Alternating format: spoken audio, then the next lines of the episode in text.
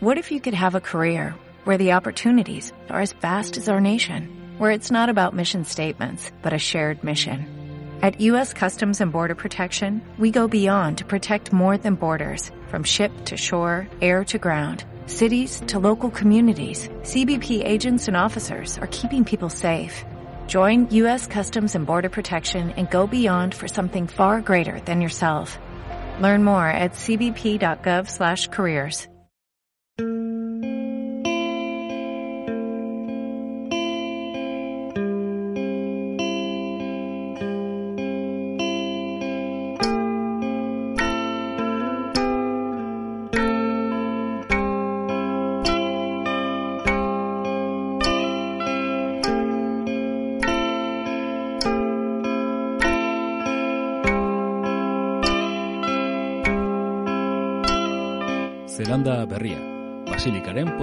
literarioa.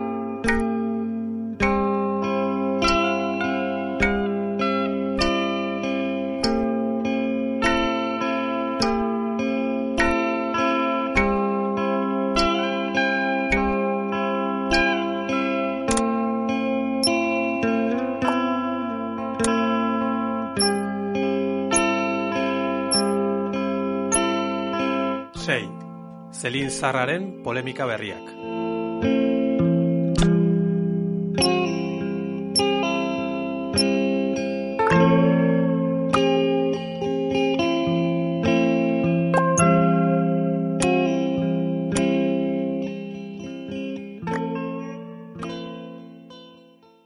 Frantziaren historiako idazle polemikoenetakoa da Luis Ferdinand Zelin.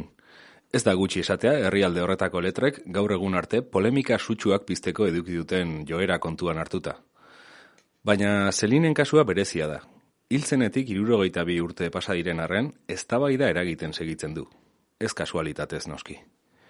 Iazko maiatzean publikatu zen Ger, irurogeita emezortzi urtez desagertuta egon ondoren, modu aski nobeleskoan berragurtu den idazlearen eleberri argitaragabea. Nolatan egon diren orain arte haren zenbait lan argitaratu gabe esplikatzea nahiko simplea izan daiteke edo nondik begiratzen den biurgunez betetako kontakizun bilakatzen da. Mila beretzireun eta berrogeita laueko ekainaren amazazpian etxetik alde egin zuen zelinek.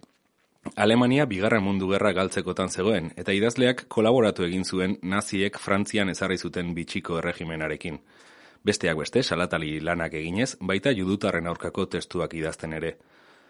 Momentu horretatik duela hiru urtera arte, etxean zeuzkan paperekin zer gertatu zen, ez da batere argi egon.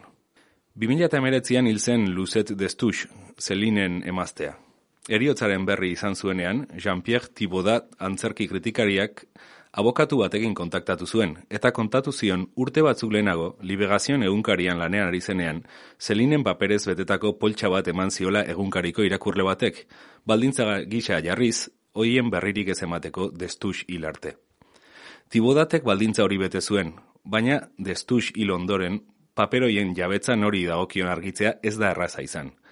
Idazlearen biografoak, destuxen alabak eta justiziak zeresan franko izan zuten prozesu baten ondoren, antzerki kritikariak fiskalaren aginduz polizia etxe batean entregatu zituen hain modu misteriotsuan lortu zituen 6 mila horri inguru. Ger izan da horri hoien artetik berreskuratu den lehenbiziko obra, iazko urrian berriz, Londr argitaratu zuen Galimarrek. Baina bigarren lan hori publikatu denerako susmoak zabaltzen hasiak ziren. Benetan lan argitaragabeak dira hauek, ala zelinen aurreko obretan publikatu gabe geratutako zirriborroak, ze interes egon daitezke aukera baten edo bestearen alde egiteko? Gaur, Zelanda berrian, Zelin Zarraren polemika berriak. Ezin dizut aurpegira begiratu Zure bidea eta nirea horren beste alden du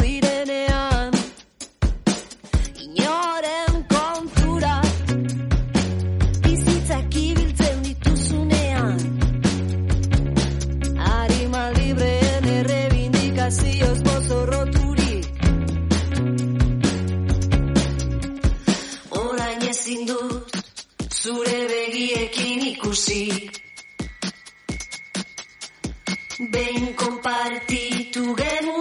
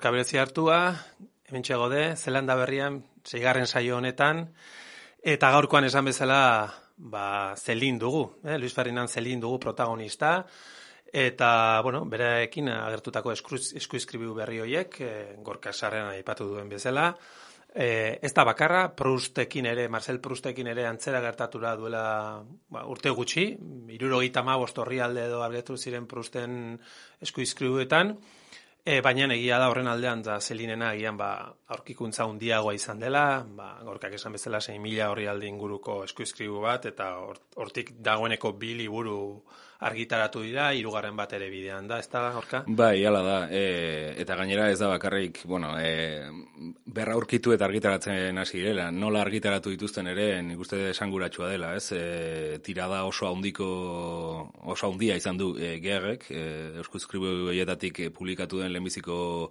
liburuak, eta bueno, e, fenomeno literario bat izan da, e, ez bakarrik e, literaturaren munduan, e, barne-barnean dagoen e, publiko horri begira, baizik eta publiko zabalago bati begira ere, ez? E, segurazki, mm, bueno, ba, zelinen figurak berak e, lagunduta, ez da? Bai, hori da, zelin azkenean pertsonaia nahiko polemikoa da, gero ipatuko dugu, pixkat e, osakonduko du gehiago gai horretan, hogei garren mendeko idazle maldito e, polemiko hietako bat, eta, bueno, bere liburu ezagunena dudari gabe, gauaren muturrerako bidaia da, Voyage uh, obu de la nuit, eh, frantsesez mila atzen da goita amabian argitaratu zuena, eta euskeraz mila atzen da laro goita amabian argitaratu zuen igelak, e, itzulpen miresgarri batean Matias Mujikak egin zuena, eta itzaurre interesgarri bat ere baduena, Ramon Seizar Bitodiak idatzi zuena, liburu benetan interesgarria euskeraz e, irakurtzekoa, e, nik gazteleaz irakurria nuen, eta orain berriki programa hau dela eta ba, euskeraz berri irakurri dut, eta benetan miresgarria da itzulpen hori,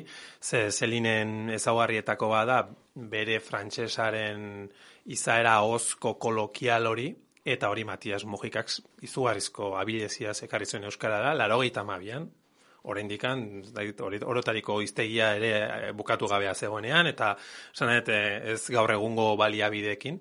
Orduan, mitzulpei miresgarria da, dudari gabe, e, gauaren muturako bidaia hori, eta esan bezala zelinen ba, obra garrantzitsuena. Gero, miatzen dago eta maseian morta kredit atera zuen, hori euskeraz ez daukagu, esan bezala euskeraz bakarrik lehengoa dugu. Eta segurazki da ba, bere bigarren liburu ezagunena, edo bueno, fama gehiena duena, miatzen dago eta maseian, Eta hortik aurrera, bueno, miatzen dago eta mazazpian eh, argitaratu zuen Bagatelsburg umasakr izeneko panfleto bat, panfleto antisemita bat, Eta hortik aurrea ja polemika murgildua sart, mm, ibili zen zelin, aurretik ere, baina bereziki bere panfleto antisemitak argitaratzen hasi zenetik, miatzen dago mazazpitik aurrera, ba, bueno, ba, polemika ginguratu ibili zen beti e, zelin, Gero kolaboratzen iste izan zen naziekin, e, bitxiko Frantzian, bueno, gero ba, nolabait e, erresistentziak lortu zuenean Alemaniak, e, Alemanak e, egostea Frantziatik, bera ies egin zuen Dinamarkara, han atxilotu zuten, han kartzelan eman zituen urte eta erdi, eta, bueno, boka, e, gero Frantziara itzuli zen, baina ja personaia neko maldito moduan, baina literarioki beti, ba, balioan edo jarri den autorietako bada, ez? Ba, eta ere gehiago, e, behin Frantziara itzulita ere, naiz eta, mm, bueno, ba, bigarren mundu gerra osteko Frantzia horretan e, seguraski etzen e, oso goraipatu eda izan, baina argitaratzen jarraitu zuen e, hil zen arte, hau da, e, bueno, hori ere, nire ustez esan guratxoa, mm, ze ibilbide horretan, ait, bukaera nahiko, bueno, ba, baztertu xamar bat eduki zuen arren, e, argitaratxe importante batean, galimarren, e, argitaratzen jarraitu zuen. Beraz, e, bueno, hori ere nahiko deigarria egiten da gaur egungo begietatik, ez? E, bigarren mundu gerra izan zenaren ondoren, eta horren ostean e, zarri zenen Frantziako estatuan ere, mm, nolabait, aukera hori eduki zuen. Bai, eta bere azkeneko lanak, e, bueno, trilogia, azkeneko trilogia ja oso autobiografikoa da, bere lan osoa da autobiografikoa, baina bere azkeneko hiru lanetan Le Pont de Londres, Londreseko e, zubia Rigodon eta Nord, e, iparraldea, hiru horietan jada bere izenez sinatzen ditu, ba, Zelin da protagonista, Zelin izeneko personaia da protagonista, baina idaz moldea oso nobeleskoa da, orduan genero aldetik ere ez dakizu oso ondot autobiografia, bueno, autobiografia bat ez da, baina novela izan da ere, ba, bueno, e, oso gertu dago benetako pertsonaiatik, ez? Oso gauza aktuala, bide batez, autofikzioaren zera honetan gaur egun, ba, bere azkeneko liburuak pixkat hildo horretan doaz, eta ez dio izkin egiten, ba, gai horretako antisemitismoa eta kontu horri guztiari, hori ere agertzen da, Hitler agertzen da, hau da, bueno, oso, bueno, ba, pieza problematikoa dira e, alde horretatik, baina horrek ere interesa pizten du. Bai, e, are gehiago, estilo, estiloare aipatu zu ahozkotasuna, kolokialtasuna, bueno, esan behar da dibidez, gegen edizioan, e, amaieran, frantsesesko edizioan, e, iztegi txo bat e, Dakar liburuak, e, hain zuzen ere, erabiltzen dituen zemai kolokialismo, e, irakurle frantsesa arruntari ere, behar bada, e, nahiko arrotzak egiten zaizkiolako, edo, bueno, mm, izkera oso jakin badaukalako, ez? Bera berean, badago nik uste dut, e, bere idazke horretan beste elementu bat, mm, batetik intentsitatea ematen dira, baina bestetik oso desatxegina egiten duena ere momentu askotan, ez? E, ze, bueno, antisemitismoa hor dago, baina misoginiare barra-barra e, erabiltzen duen idazle bada, e, ez du, ez du ezerrekiko alako atxikimendurik gusten, gegen bertan ere, bueno, pertsonaiak azken finean e, Zelinen beraren alterrego badenak, bere guraso ez, e, bere e, gerran zauritu dako lagun min baten emazteaz, eta bar, e, nola jarduten duen, benetan bai, problematikoa, desatxegina eta eta bar da, ez? E, ez da, beraz, e, idazle bat eroso uzten zaituena e, eta esango nuke gainera nolabait atzeraka egiten dizula irakurtzen duzun bitartean momentu askotan ere. Julia Kristebak esaten zuen abjektoaren idazlea zela, no? Nait, abjektoa denaren horren bueltan ibiltzen dela bere literatura, eta beraz, ba, bueno, mm, deserosoa, eh, askotan ikusi ezin dena, eh, bazaleratzen duen autore horietako bat, ez? Batzuk esan bezala, ez bakarrikan antisemitismoa, baita misoginian nabarmena, bere lan guztietan, baita gauraren muturrako bidaian ere, Eta horren ari da, bai esan behar du gauaren muturreako bidaian, eta bai monta, morta krediten Ferdinand Bardamu dela protagonista nagusia, eh, bere izena, eta gero berazkeneko obretan eh, zelin izango denaren oso entzekoa, izaeraz, hmm. eta noai bere alterrego moduko tzatere jotzen dena, baina egia da lehengo obra hauetan pertsonaiak beste izen badula, ez? Ferdinand Bardamu, eta igual sartu gaitezke ja ger eh, aipatzera, ze gerren inguruan, hain zuzen ere, eztabaida dago bere obraren ze momentutan kokatu behar dugun. Hau da, ze noiz idatzi zuen Luis Ferdinand Zelinek eta enun kokatu, ezta? Bai, ala, bueno, hor, polemika hau iazko irailean e, piztu zen, 2008ko irailean, e, Julia Mela eta Pierluigi Pellini e, artikulo luze bat publikatu zuten, e, Genez Down Bestseller, e, hau da, bestseller baten e, genesia edo itzuliko genukena, Eta testu luze horretan aztertzen dute ea edo auzitan jartzen dute ea ger benetan argitaratu gabeko novela bat den ala beraiek gehiago horti jotzen dute, ea e, gauaren muturrenainako bidaiaren e, deskartatutako zati bat, edo e, bintzat novela horretan argitaratzekoa zen, eta zirri borro moduan gelditu zen zati bat duten. Artikulo oso luzea da, jarriko dugu e, podcastaren bibliografiaren artean irakurri nahi duenak e, ikusi dezen.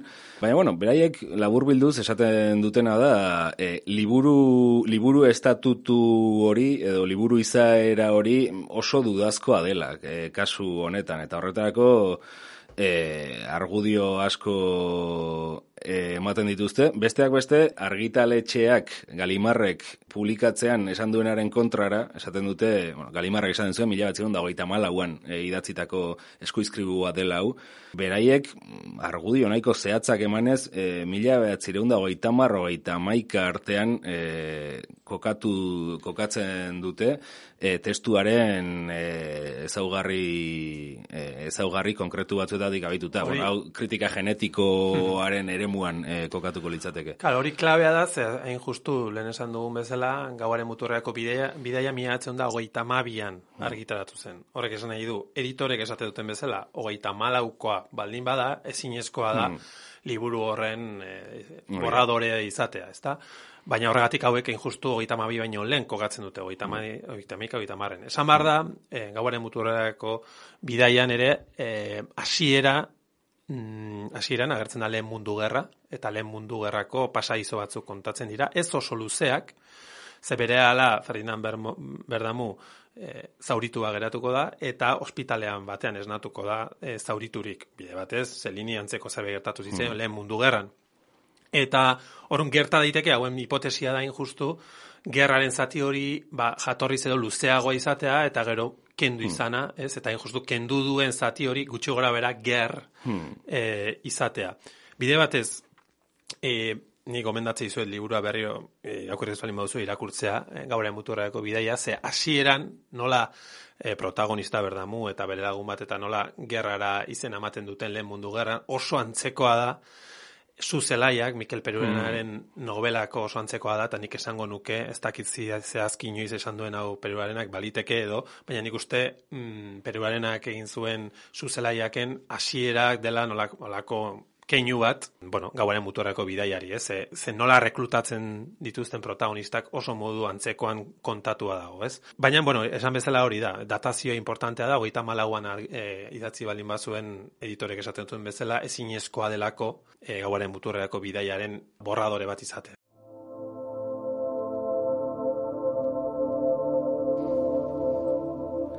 Gaixo eginengoen, eneukan eziketan aikorik, batez ere momentu hartan nire buru burrumbatxuaren gainetik determinatzeko nire zaharrekiko lotxa eta haien esperantza guztiekiko. Baina nire gainean sentitzen nuen mugimendu bakoitzarekin, gaizki egiten nuen gauza bakoitzarekin, olagarro lerdetsu eta kaka bezain astun bat bezala, euren optimismo erraldoia, ergela, lerdokeria ustela, adabaki bat bezala josten zutena edozein evidentziaren aurka, lotxak eta suplizio handiak muturrekoak odoltsuak zeharkatuz, bullaka jaten ari ginen gelako leioen azpian, nire drama propioan, zeinaren galera guztiak ere onartzen ez zituzten, haiek onartzea mundutik eta bizitzatik pixka bat desesperatzea zelako, eta hortz eta bihotze zeutxiz, ez zuten ezeren esperantzarik galdu nahi, ez da Agnax jaunaren leioen azpitik pasatzen zen gerratik ere, bere batalioi guztiekin, zeinak horroka entzuten genituen oraindik obustiroka eta oihartzun betean etxeko leio guztietan. Luis Ferdinand Zelin, Ger.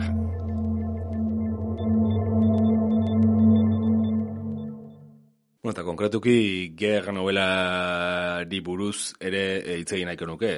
Zer da Ger? Ba, bueno, nik esan nuke lehenik eta behin eta tituluari nolabait kontra eginez, e, gerra oso gutxi agertzen da honetan ere, e, ia zauritutako soldadu batek ospitalean pasatzen duen denbora hartzen duela ia, ia novela guztia, beste zauritu batzuekin e, dauzkan harremanak, e, bueno, ospitale horretan dauden erizainekin batez ere, e, ere asko azpimarratzen da, eta bueno, nolabait, e, erreta guardiako novela, novela bat litzateke ez da. E, eta bueno, horrek ere eragin du kritikari batzuen artean eta liburu honen publikazioa dela eta ba alako ezin egon bat, ez? E, esaten dute, e, besteak beste hemen daukat e, Pierre Benetik eta Tiffany Samoiok e, enaten dan nado e, webgunean publikatu duten kritika bat, Eta, eta horra aipatzen dute adibidez, ezote den liburu hau orain publikatuz nolabait berriz ere panfleto antisemiten aurreko zelinura restituitu nahi nolabait, bihurtuz idazle hau nolabait e, berez pazifista zen, baina gerrak traumatizatu zuen pertsona bat, eta beraz erabiltzen duen izkera violento hori guztia, eta bar, ba, bueno, nolabait gerraren trauma horren atzean eskutatuz, ez? E, ni uste dut, badela kritika bat nahiko zilegia e, zentzu horretan, ze egia da irakurri bitartean sensazio hori eduki dezakezula, ez? E, bueno, e, pertsonaia, esan dugun bezala e, Luis Ferdinand Zelinen e, alterrego bat dena... Mm, Baina gerren ez dauka izenik. Ez dauka izenik. Hori da, zarantzetako bat, hau da, ez, ez da zeltzen berdamu denik, mm -hmm. berdamu izango balitz, agian erresago litzateke kokatzea e, gauaren muturako bidaian, mm. baina hori agertzen ez denez, ba, bueno, horre ere zalantza daude. Eta, bueno, bueno, pazifismoa dela eta gauaren, mut, gauaren muturako bidaia ere, alde horretik impresionantea da, ze sakonean, ze, ze izara pazifista duen. Hau da, mm. gerra agertzen da bere krudeltasun mm. guztian, baina hor esango nukenik ere nagusitzen den ahotsa dela ahots funtsean pazifista bat, ian lista dena, eta gerora hori ere nabarmena zelinen beste obran. Baina, bueno, gerren ere piskatoria gertzen da, ez? Bai, hala da, eta, eta gero nik uste, ba, gola, alako kontrajartze bat, batetik, e, gerra lehen eskutik bizi izan duen protagonista horrena, eta hori bizi gabe oraindik nolabait, e, Frantziako estatuak egindako gerra propaganda hori sinetxita nolabait, e, bueno, ba, zerbait heroiko eta Bueno, alako zerbait bezala bizitzen duten artean. Hori batez ere oso nabarmena da protagonista bere gurasoekin elkartzen denean. Eta bueno, bere gurasoak arro daude, zauritu dutelako, baina frontean egon delako eta bar eta eta aldiz ikusten dugu protagonista bat izugarrikeriak ikusi dituena, e, osta osta bizirik atera dena. Eta nolabait ba, ba bueno, kontrajartzen dio bere lehen eskutik gerra bizi izan da ikuspegia, nolabait e, hor zuzenean e, historian sartuta ez daudenen nobait mentalidade burges txiki bati, ez? E, nik uste dut hori dela liburuaren behintzat planteatzen den gatazka iturrietako bat, ez? Eta eta noski sekulakoak esaten ditu bere gurasoi buruz, ez? E, protagonistak. Bai, gero horren arira, e, gorkak esan duen bezala, proposamen kritiko batzuek proposatu dute hau gauaren muturreko bideiaren borradoren artean eh, dagoen testu bat ote den, esan barra zelinek asko idazten zuela, bueno, asko eh, idatzi zuela, volumen oso handian, ez litzatekela harri izango hori ere, E, baina e, Londresen kasuan, gerora duela oso gutxi argitaratu duen e, oraindikan, bueno, e, frantsesez bakarri dago hmm. itzulia, bueno, gerre ere bai bakarri frantsesez dago, behintzat behintzat espainolez eta euskeraz eta ez da argitaratu. Baina hauek esaten dutenagatik baita ere, kritiko hauek esaten dutenagatik, Londres hau agian, Le Pont de Londres zen hmm. aurreko bersio bat izan ziteke, ez? E, Le Pont de Londres e, da, e, edo Guignols Band B, e, da, bueno, bere bukaerako miatzen da irurogeita laguan argitaratu zen e, liburu bat, eta hor baita ere, ba, bueno, Londres agertzen da, eta hauen proposamena da, aurreko bersio bat ote den, gero galdu egin zuena berak, eta beraz, berridatzi behar izan zuela, eta gero argitaratu zena, hain justo Gilnos Band bi, gero hori izan zen, bigarren idazketa moduko bat, ze, bueno, egia da, konparaziora, bi liburu bi testu ezberdin dira, eh, Londres eta eta Ginos Band bi edo Le Pont de Londres.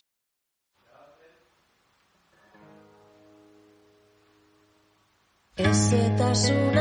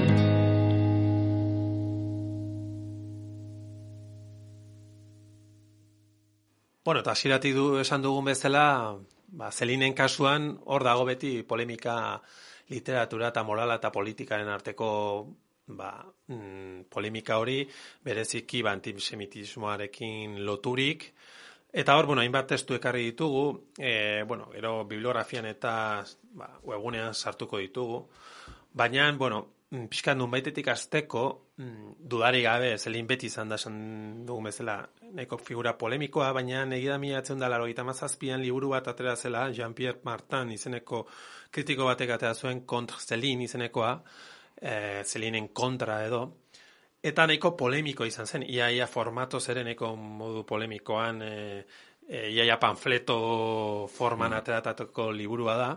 Baina, bueno, bera apia, puntua da, bera tesi bat egiten ari zen ahozko tasunaen inguruan, hau da, hoi mendeko e, frantziako literaturan ahozko tasuna nola erabiltzen den, eta tartean zelin ari zen ikertzen. Talako batean, ba, kongresu batean, miatzen da laro gita ikusi zuen nola mm, ba, kritikari batek aurkezpen bat egin zuen, zelinen panfleto antisemiten estiloa eta hozkotasuna aztertzen. Eta berak esaten du, inolako alusiorik egin gabe panfleto horretan esaten denari. Mm Berez, izaera antisemita eta horri inolako alusiorik egin gabe. Eta, bueno, horrek eh, indignatuta edo bultzatu zuen, ba, liburu hori argitaratzea. Liburu interesgarria da, ni bueno, frantsesez badago, nik frantsesez irakurri dut, Eh, esan bezala, logita mazazpian agertu zen, eta funtsean egiten dena da kritikaneko sakon bat, eh, bueno, Zelini, Zelinen obrari, bere izaera antisemitari, baina bereziki ere nola, eh, batez ere, irrogeietatik aurrera, eta kontestu estrukturalista batean, nola kritikoek alde batera utzi duten Zelinen agertzen den edukia, nola hmm. eduki antisemita, misogino eta hori guztia, eta aztertu den zelin, ba, liuratuta bezala bere hizkuntza eta bere baliabide literario eta hoien gatik, hmm. ez? Horren polemika interesgarria da, alde horretatik e, ikusteko ze kontraste dagoen, balde ba, batetik, ba, bere idazkera, bere e, berritasun literarioak, bere experimentalizazioan, neurri batean, e, ba, zelebratzen dutenak, baina aintzat hartu gabe beste alderdi hori. Ez? Eta, bueno, azkenean lehen esan dugun bezala, ale batetik panflektua daude, bestetik daude novelak, bestetik autobiografia eta novela arteko testuak, orduan, konstelazio, testu konstelazio horretan, ez da askotan, e, zelinen obrarekin zer, zer egin, ez, jakitea. Ni uste dut, interesgarria dela e, ikusteko garai bakoitzan nola irakurtzen dugun. Ez? Ni uste dut, oso autorea proposa izan daitekela, horretako, ipatu ziruroiko marka da, da alako irakurketa estrukturalista hauek, nik uste dut, mm, nolabait penduluak gaur egun justu beste hmm. aldera egin duela, eta oso nolabait edukiaren, e, e, edukiaren aldeko irakurketa batean gaudela gaur egun, eta segurazki, E, alde horretatik asko zailagoa da, e, zelinek idatzi zituen gauza asko eta asko e, irakurtzea, e, legitimatzea, berpublikatzea, eta, eta bar, eta bar. gabe, ez da, ez da kasualidadea, duela pare bat urte, Galimarrekuko egin ziola bere panfletoak berriro argitaratzeari, mm. egon zen hor polemika bat baita ere horren inguruan, eta azken erabaki zuten ez publikatzea, baina, bueno, panfleto ez ari gira, mm. ez bai. bere nobelez. Baina, bueno, ia da gaur egun, seguraski, baduela hogeita mar, berrogei urte, baino e, azkure handiagoa edo zalantza handiago sortzen dutela bere testuek alde horretatik, ez?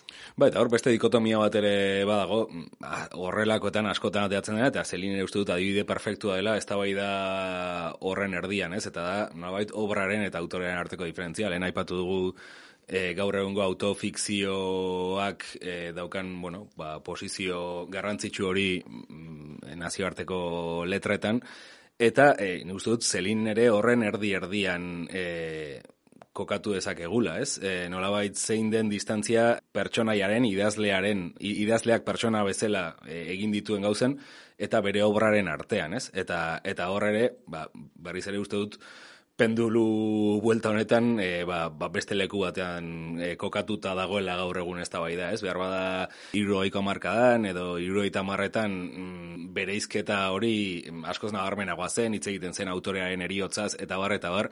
E, gaur egun aldiz askotan oraindik esplikatu egin behar da batzuetan mm, fikzioaren eta eta nabait kontakizun benetako gauzen kontakizun baten artean, ez? Bai, Jean-Pierre Martenen kasuan bereizten du nabarmen, bereizten du alde batetik gauaren muturreko bidaia eta morta kredit alde batetik, hogeita masei garen urte arte, eta zelin hori salbatzen du, lehen aipatu Mhm. duzun gaur egun goi kritiko batzuk ere hori kritikatzen diote, dutena, baina, bueno, bi hoiek direla bere liburu ezagunenak salbatzen ditu, Mhm.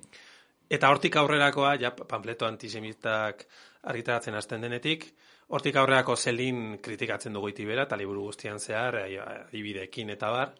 Nolabait bere ustez hortik aurrera ja antisemitismoak eh, bere lan guztiak, baita fikziozkoak edo ustez fikziozkoak direnak ere zikintzen du, ez? Bueno, posizioneko eh, polemikoa da, baina, bueno, eh, kasu honetan eh, Jean-Pierre Martin konkretuki ari da diskutitzen ba, Philip Solers eta Julia Kristeva eta horrelako beste kritikari strukturalista frantsesekin.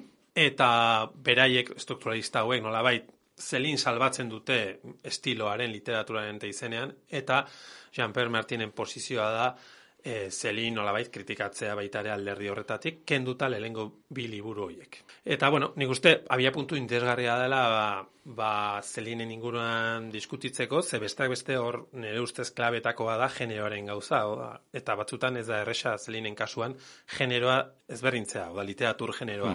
Irakurtzen ari lehen esan dugun bezala, novela bat ote den, autobiografia bat ote den, bien arteko zerbait den, autofikzioa ote den, autofikzioa indikan izen bezala, etzen orduan erabiltzen, berak idatzi zuenean, baina horko, bueno, ba, nasmas horretan, batzutan irakurle bezala zaila da, zure gura kokatzea, e, hori egia da. Bueno, beste kritikari batzuk ere hitz egin dute, e, zelinen inguruan. Bai, eh, aipatu nuen beste ardatz bat ere, baita ere eh, aipatu daiteke honetan, ez? Izan ere, eh, bueno, gauaren muturreneko bidaia, eh, bueno, aipatu ditugun ezaugarriak dituen novela bat, ba, nahiko deigarria egiten zaian goza bada, eh, gutun batean, mila da goita mairuan, eh, Leon Troskik goraipatu egiten zuela, ez? Hau da, eh, bueno, azkenean, irakurketa marxista bat ere e, izan dezake e, zelinen obrak, behar bada aipatu ditugunetatik e, aparte, Troskik aipatzen zuen, naiz eta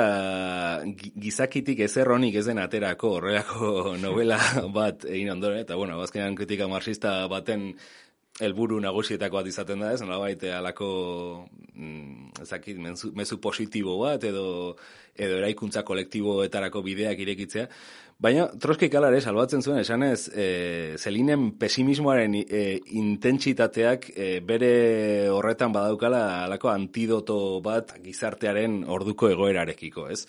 Mm, nahi, nahiko deigarria egiten zait, baina, baina dirazgarria ere bai, ez? E, batez ere jakinda ondoren zelinek ze evoluzio eduki zuen, eta, eta ez daukala zer ikusi noizki, noski, e, ba, ba bueno, e, errusiara irautzen zuzenean parte hartu zuen persona batekin. Ba, izan ere, e, Troskien justu marxist, kritika marxistaren barruan, nahiko ezaguna da, bere posizioak artearekiko, nahiko ezberdintzaren aldekoa da, ez? Hau da, artearen e, autonomia edo semi-autonomia baten defenditzailea da, hor baditu testu batzuk Diego Rivera eta arekin idatzitakoak eta interesgarria zentzu horretan, baina egia da beste hildo marxista batzuetan, leninismotik gertuago, adibidez Aragonek egin zuen kritikan, hau da, e, Aragonek e, gore ipatzen zuen eta hortaz diardu Ramos Izar Vitoriak itzaurrean, e, gaure muturreko bidaiako itzaurrean, Aragonek gore ipatzen zuen liburua alde batetik, baina kritikatzen zioen justu atera biderik ez proposatzea. Alegia,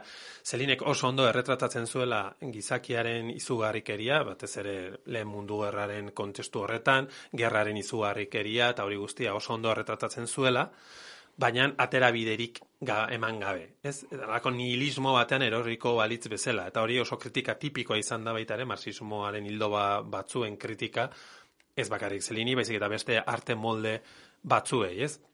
Eta, bueno, hor, e, debate interesgarria ere sortu zen, ba, zelinen abiatuta.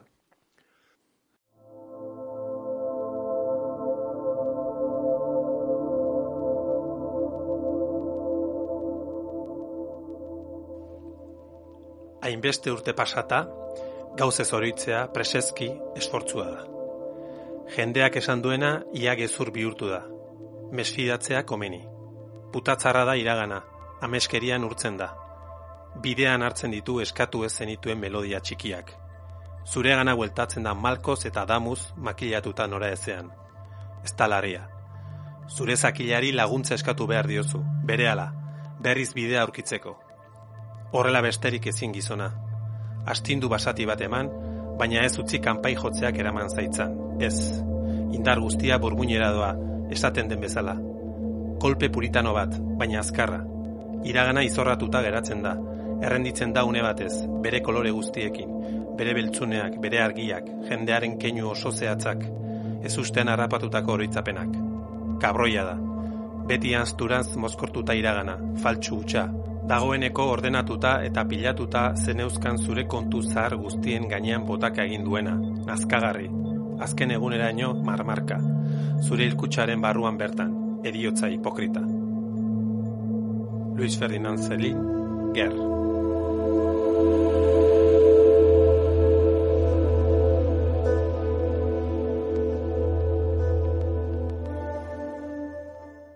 Luis Ferdinand Zelinen obrei e, alderdi kritikoti behiratu dioten zenbait autorea aipatzen ari gara. Beste irakurketa interesgarri bat e, izan daiteke e, Frederick Jamesonek e, The, More, The Modernist Papers e, liburuan egiten zuena, ez? Zelin eta inozentzia izeneko kapituloa dauka e, liburu, liburu horrek. Eta hor nolabait e, aztertzen du zenbait novela motatan, zenbait novelatan funtzionatzen duen e, dispositibo moduko batek e, historiaren atal desberdina kontatzeko. Kixotea aipatzen du bizi eta azkenean e, gutxi gora bera esaten duena da Kixotea dela e, novela horretan kontatzen diren historia guztiak artikulatzeko nolabaiteko dispositibo bat. Eleberri beltzaren adibideare jartzen du, detektibia jarri nolabait posizio berean, ba, bueno, klase e, jatorri eta, eta izaera desberdineko pertsonaiak arilkatzen dituen dispositibo bezala, Eta aipatzen du, e, zelinen e, kasuan abiez medikuak izan daitezkela e, pertsonaia hoiek edo, edo funtzi hori betetzen duten dispositiboak, ezta? Berezitasun batzuekin, aipatzen du nolabait alako begirada, parean duten horrekiko begirada naif moduko bat e, erabiltzen dutela medikuek, Eta beraz, e, horrek provokatzen duena irakurlearen gan dela mm, erratratatzen diren edo, edo irudikatzen diren pertsonaia bien e, zentzugabekeria oso agerian gelditzen dela, ez? E, badirudi inolako arrazoiri gabe aserretu e, buliak hasi edo, edo, edo zuzenean e, elkar mutur joka hasten direla pertsonaiak begirada mediku horretatik, ezta? E, Esan dezagun bide batez, zelin bera medikua zela, mhm. mediku gisa ere lan egin zuela, Eta hor estiloari buruz pixkat sakontzeko ere bai, zen ikuste interesgarria dela zelinen kasuan, morta kreditetik aurrera, hasten da idazten keroz eta modu e, kaotikoagoan, komila artean, mm esan dezagun, e, iaia bakarrizketek eta bakarrizketak dira nagusi, eta bere bakarrizketatako e, ezaugarrietako bat, da puntu etenak nola erabiltzen dituen, ez? E, bakarrizketa luzeetan eta alako batean iru hiru puntu deten jartzen ditu, jarraitzen du, eta etengabe erabiltzen ditu, eta hori erabiltzen bere obra guztian zehar. Bestetik, kritiko batek esaten zuen bezala, etengabe buiak ari dira, hmm. ez? E, bere pertsonaiek, etengabe erabiltzen dituzte harridura e, ikurrak, eta arrun batzutan badaukazu sensazioa, alako taberna edo zarata hundiko leku baten erdian zaudela irakurtzen zelin, ez? E, jende guztiak jende guztia oiukari da, e, hmm. eta horrek ere egiten du oso ezagit, testu fisikoa oso agresiboa batzutan hmm. izatea, baita forman ere, ez? Aparte, erabiltzen dituen, erabiltzen duen hizkuntza kolokial batzutan e, blasfemo, bai. zabar, e, guzti hori, ez? Horren, alde horretatik ere forman ere oso agresiboa dela eh, esan dezakegu. Bai, eta gero horrek guztien duen ondoria, no? Baita, Jamesonek aipatzen du azkenean, bueno, ba, gizartea edo, edo jendea irudikatzeko daukan modu horrek bihurtzen duela nolabait e, humanitatea alako e, ezakit, talde irrazional, e, odol goze, e, eta, bueno, elkarren arteko etxaitasun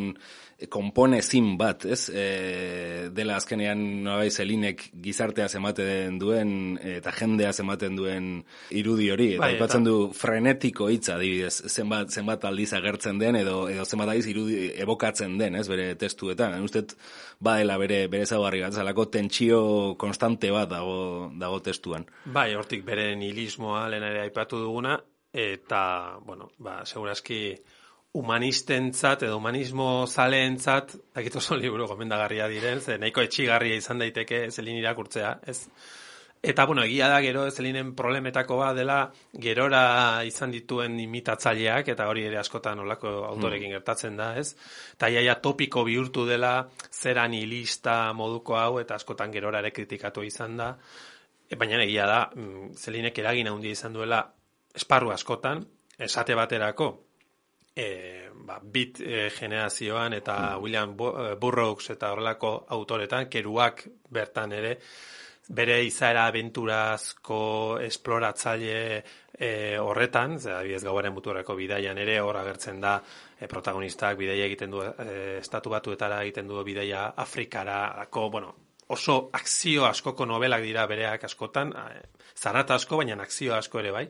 Hor- hortik ere asko edan zuten, esaterako bit generazioak, eta beste, beste batzuek. Ba, Bukowski gere, bai, ez? Bukowski, Hor, bai. euskeraz daukagun e, pulp, e, nolabait, eleberri poliziako, faltsu poliziakoa, bueno, hor ja irakurlearen esku utziko dugu, baina horret e, zelin ere askotan aipatzen, Bai. aipatzen da, bai. Orduan, Zelin izan da gero erreferente bat, eta, bueno, erreferente guztiak bezala izan dituzte, izan ditu imitatzaile txarrak ere, eta, bueno, nik ere ulertzen dut gaur egun, ba, horren ondoren jende bat, igual, enpo egotea estilo horretako literaturaz, aparte, ba, lehen esan duen bezala oso litatu agresibo eta potentea delako, eta horrek egiten duen bezala, ba, askotan sortzen, den, sortzen duena da, ba, lako gorrotoa, edo amodioa, edo dena batera, Eta, bueno, alde horretatik oso ba, liburu edo obra berezia da, ez?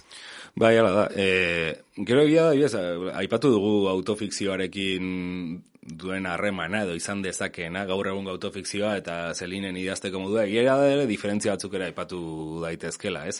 Berba, zelinen liburuetan nolabait, e, bueno, pertsonaiaren alter hori erabiltzea edo da tresna bat, alako irudikapen sozial jakin batzuk egiteko, aipatu ditugunen estilokoak, ez dakit, e, buru datorkit, orain Nobel sari ere bat ziduen Ani Egnoren kasuan adibidez, ez, bueno, kasu horretan beste mota bateko autofikzio baten aurrean gaude, e, nolait, bere politikotasuna eta gizartea buruz esateko daukana ere, mm, askoz, esan nahi dut, ez duzu ikusten zelinen novela batean autorearen barne mundua gehiegi, ez? E, eta, eta hori aldiz, e, bueno, ba, gaur egungo autofikziozko lan asko, askotan, hain zuzen ere, barne mundu horretatik ateratzen, ateratzen da gero, malaiko irudikapen Bai. sozialago bat, ez? Bai, eta Ernoren kasuan gordintasuna handia dago, baina oso bestelakoa dudarik gabe alde horretatik. Eta bueno, ja igual bukatzeko bai aipatu nahiko nuke gerrekin hasi gera eta bueno, eh, horrekin bukatzeko baita ere ba gomendatu nahiko nizueke, bueno, interesatzen eh, zaionarentzat eh, ger dela eta argitaratu zen kritika bat New Yorkerren, New Yorker aldizkarian, Adam Gopnik e, idazleak eta kritikoak argitaratu zuen, eta, bueno, egia da, gerrei buruz baino gehiago, zelini buruz diarduela, eta bera ere, gupida gabe kritikatzen du, zelin bere osotasunean. Esango nuke ez duela, salbatzen, e, Jean-Pierre Martenek salbatzen duen bezala, ez da lehengo bi liburuak ere ez ditu salbatzen, ez?